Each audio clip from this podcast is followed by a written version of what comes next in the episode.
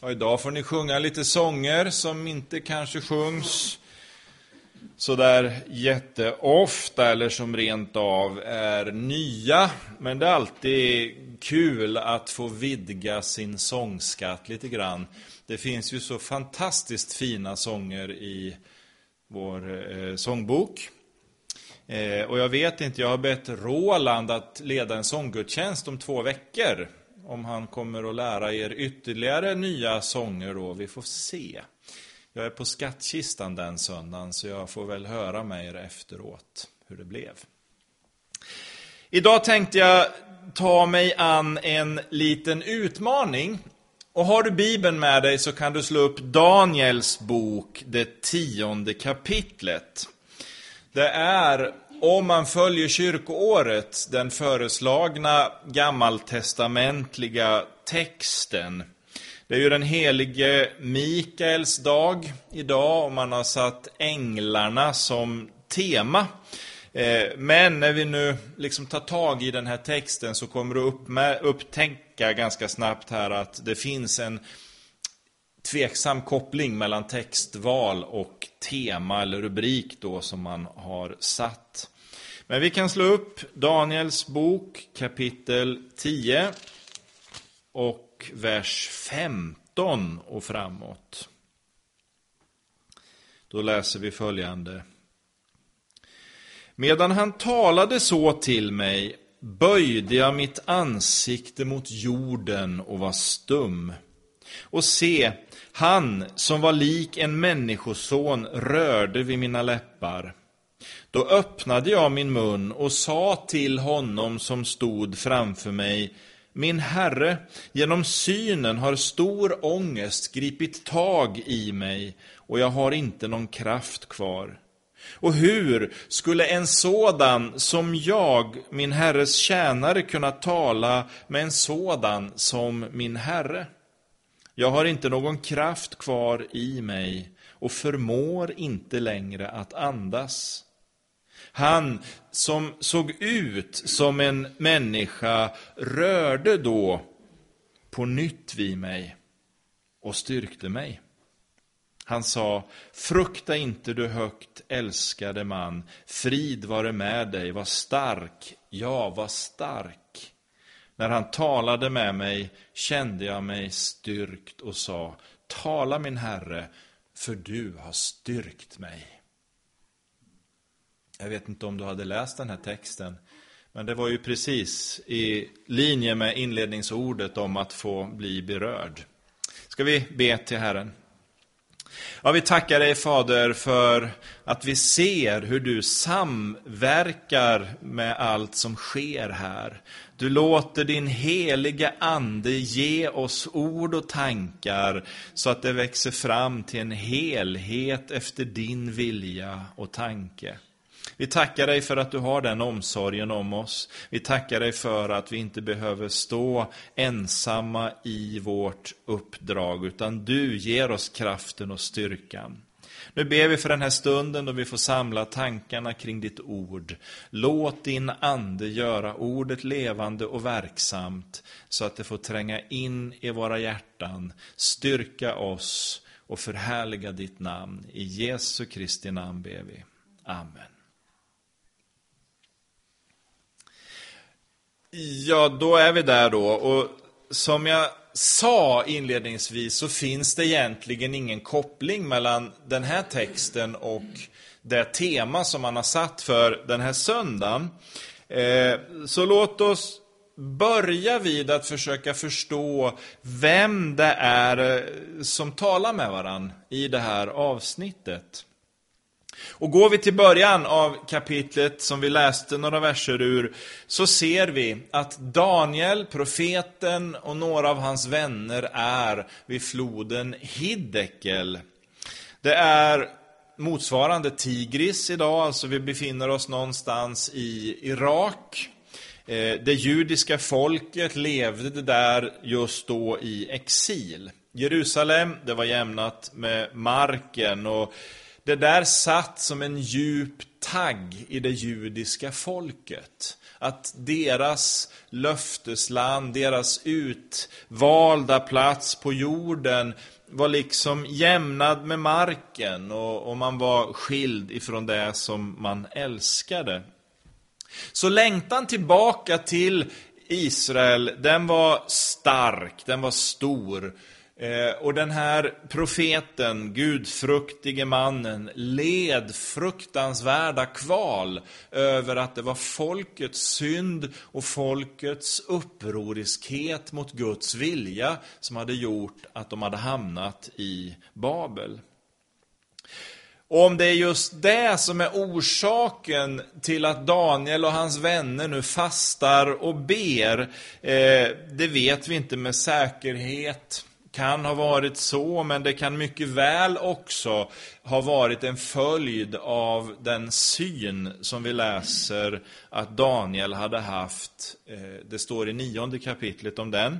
För där uppenbarar Gud lite av sina hemligheter för sin tjänare eh, när han talar om de 70 årsveckorna, om frälsningsplanen och hur Gud så småningom eh, ska sammanfatta allt och låta Människosonen stiga ned tillbaka till jorden.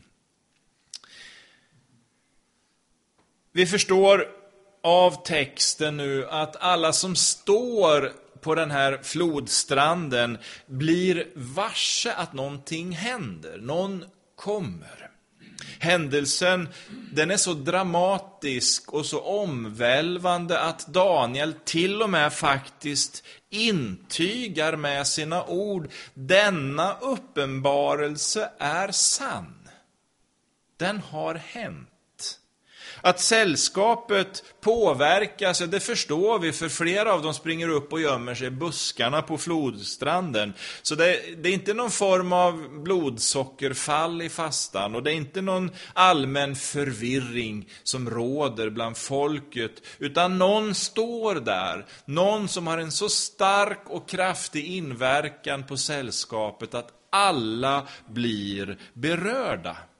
Men det är bara Daniel som möter mannen och som talar med honom, som talar med ljudet av ett väldigt dån. Och där någonstans, du som kan din bibel, du, du tänker genast på två liknande händelser i Nya Testamentet. Den ena är när Paulus är på väg upp till Damaskus. Han ska ju förfölja de kristna, eller han förföljer de kristna och ska ju upp till staden och, och fängsla ett gäng kristna där. Eh, men någonstans längs vägen så möter han någon och sällskapet påverkas på samma sätt. Man ser inte riktigt allt, men man blir varse att där finns någon på vägen som har en så stark utstrålning och en sån stark andlig närvaro att folket liksom bara eh, backar. Men Paulus, han faller till marken på sitt ansikte och han får tala med Jesus. Han får möta den uppståndne Herren. Det är bara Paulus som får det där samtalet och mötet. Men de andra finns någonstans i periferin. Och så har vi den andra händelsen, Johannes, som på Patmos har en uppenbarelse. Vi läser om det i Uppenbarelseboken och vi förstår att både Paulus och Johannes möter Jesus Kristus personligen. Och lägger vi då de två bilderna mot det som Daniel beskriver att han upplever, så förstår vi också att den Daniel möter är Jesus Kristus. Frälsaren själv. Han möter honom och ingen annan. Det är ingen ängel, utan det är frälsaren själv. Och sätter vi då det mötet i relation, för Daniel han har ju ett antal uppenbarelser, så ser vi ju att de tidigare mötena, ja där nämner han vid namn ängeln Gabriel. Då talar han om en ängel men i det här avsnittet så talar han om människosonen, en man, eh, en människoson. Och det är ju ett uttryck som Jesus använder om sig själv. Människosonen har inte kommit för att befri, eller för att eh, tjäna, utan, bli betjänad, utan för att tjäna och ge sitt liv till lösen för många i Markus 10. Så att det, det Jesus som möter Daniel i det här sammanhanget. Och då tänker jag, när jag läser det här och funderar kring det här, varför fick Daniel möta Jesus? Vad är det som är så specifikt just i det här mötet? Varför var det Daniel i det här läget? Hjärtat i vår tro, det kristna evangeliet, talar ju om nåden, den gränslösa nåden. Att vi får möta Gud, vi inbjuds i gemenskap med honom oavsett. Det är inte några förtjänster som ger oss rätt att komma till Herren. Det är inte våra färdigheter, det är inte vår kunskap, det är inte våra pengar som gör oss värdiga att uppnå någon slags nivå så att Gud ska kunna älska oss och ta oss till sig. Utan den kärleken finns där oavsett vad vi har för bildning, vad vi har för skola, vad vi har för kunskaper eller någonting. Alla är vi inbjudna av nåd. Men här finns det ändå någonting som vi måste ta till oss. En nyckel för att förstå det hela i frågan om profetens karaktär. I det tionde kapitlet läser vi i början att han fastade och bad i djup förtvivlan över en situation. I nionde kapitlet läser vi, det jag också antydde, hur han är starkt präglad av folkets synd. Han bekänner sin synd, men han bekänner också folkets synd inför Gud. Och går vi till början av boken ser vi också att Daniel aldrig kompromissade med sin tro. Han var alltid lydig Gud, han var alltid överlåten Gud och han kastas ju till och med i den där berömda lejongropen just för att han vägrade att kompromissa med sin tro. Han lydde alltid Herren. Och jag fascineras när jag läser Daniels boken, inte bara att han har ett fint namn, utan jag fascineras när jag läser att han är en otroligt spännande personlighet. En oerhört intressant människa på många sätt, som jag kan lära mig mycket av och som jag tror att du också kan lära dig en del av. Och jag brukar ibland använda en sån där liten halvdråplig predikanthistoria, ganska dålig egentligen, eh, men jag tycker att den är så rolig så jag måste ju få bjuda på den här idag också. Då brukar jag säga så här, och du har säkert hört den, eh, jag brukar tjata om den. Vet du varför lejonen inte åt upp Daniel i lejongropen? Nej, svarar du, och då säger jag, jo, han levde så nära Gud att det inte fanns något kött. Ja, men visst är det bra. Det är ganska roligt. Eh, men faktiskt, den är inte bara rolig, utan det finns en djup andlig sanning i den där lilla komiken. Går vi till Nya Testamentet och läser i Jakobs brev, så står det en klar och tydlig uppmaning. Närma er Gud så ska han närma sig er. Och så fortsätter Jakob. Gör era händer rena, ni syndare, rena era hjärtan, ni tvehågsna. Klaga, sörj och gråt, låt ert skratt vändas i sorg och er glädje i bedrövelse. Ödmjuka er alltså inför Herren, så skall han upphöja er. Och när jag tänkte på det här och läste de här orden, för jag vart förd någonstans till, till det där avsnittet, så är det nästan som om Jakob skriver om Daniel. För jag tycker att karaktären som präglade profeten är just det som Jakob framhåller som en uppmaning. Ungefär som att när Daniel av själafienden straffades och kastades ner i lejongropens mörker och, och hot, så låter Gud profeten lyftas upp i ljuset igen, ut i friheten. Mörkret hade ingen makt över profeten, därför att han levde nära Gud. Han var ödmjuk inför Herren och därför kunde också Herren lyfta honom upp. Och det finns ju paralleller till dagens text som vi har läst i detta. För det står att kraften försvann ifrån profetens kropp. Han föll till marken, han låg på sitt ansikte, vågade inte ens se upp emot den här mannen. För Guds fruktan i hans hjärta lät honom förstå, det här är en helig stund. Det är inte vem som helst som jag har framför mig, utan det är Gud själv som står här. Och han kunde inte se på den helige. De andra hade också en stor gudsfruktan, det är jag övertygad om. Men det fanns någonting i profetens hjärta som gjorde att han fick komma lite närmare än vad de andra fick göra. Och där ligger han bedövad med sitt ansikte mot marken och så känner han handen som rör vid hans kropp och han får styrka och kraft. Han får livsmod och det reser honom åter upp igen. Så det är som ett förkroppsligande av vad Jakob skriver.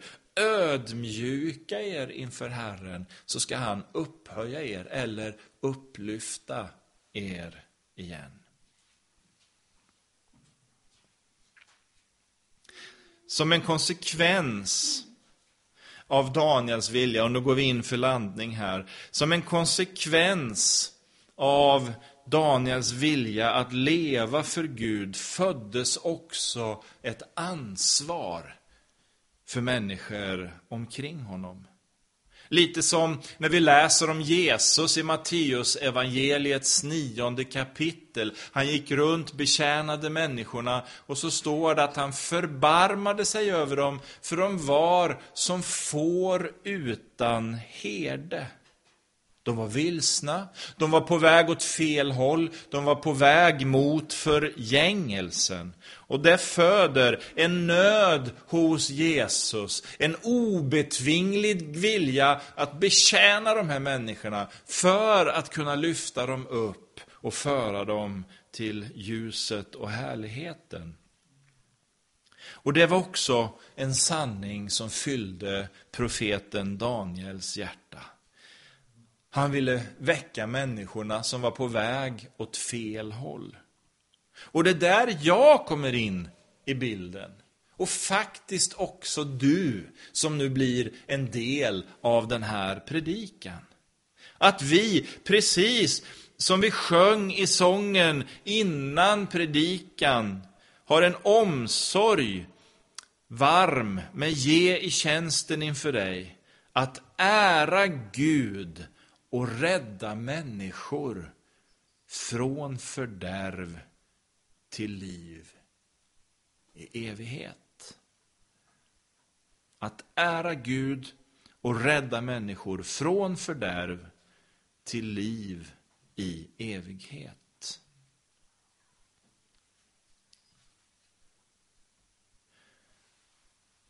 Och vad som är så gott i det här, det är att jag tror att vi alla har rätt att göra anspråk på de ord som Jesus talar till profeten Daniel. Det gäller också oss. För Daniel, han var klok nog att inse storheten i uppdraget och kallelsen han hade. Han såg, det här är inte någonting som jag klarar att göra i egen kraft. Det här är inget man i världslig mening kan omfatta med sitt mänskliga jag. Nej, han höll Herren helig. Han tog sig inget som inte var honom givet och därför bävade han inför Gud. Men, och det är det som är poängen, så läser vi den artonde versen, de här orden. Han som såg ut som en människa rörde då på nytt vid mig och styrkte mig. Han sa, frukta inte du högt älskade man, frid vare med dig. Var stark, jag var stark. När han talade med mig kände jag mig styrkt och sa, tala min Herre, för du har styrkt mig. Tänk, när vi står på våra darrande ben, kanske att vi känner oss oroliga inför uppdraget som vi har att göra. Kanske en känsla av omöjlighet. Hur ska jag kunna vinna en människa för Gud? Inte ska väl jag vittna i den här situationen? Ska jag fråga, vill du att jag stannar här en stund? Man känner osäkerheten och kanske svagheten i den egna förmågan. Och då någonstans vet jag i mitt hjärta att det är just där Jesus möter oss som han mötte Daniel. Han ger oss mod. Han ger oss styrka. Och det är därför vi inte har någonting att frukta, hur det än ser ut framför oss. Och då är det som aposteln Paulus skriver i Romarbrevets åttonde kapitel, och lyssna riktigt noga. Är Gud för oss, vem kan då vara emot oss? Han som inte skonade sin egen son, utan utlämnade honom för oss alla, hur skulle han kunna annat än också skänka oss allt med honom? Hur skulle han kunna annat än också skänka oss allt med honom? Låt oss be. Jag tackar dig Gud för din stora vilja att hjälpa oss och styrka oss. Tack Herre att du inte skickar ut oss i en uppgift som vi ska klara själva i egen kraft eller med egna meriter. Utan du skickar oss i din kraft, med din hjälp och omsorg i allt. Ge oss förstånd, ge oss vishet och ge oss mod att lita på dig och överlåta våra liv på nytt i dina händer. Då vet vi att vi får allt vi behöver och mer det till för vad du har kallat oss att göra. Din är äran och makten från evighet till evighet. Amen.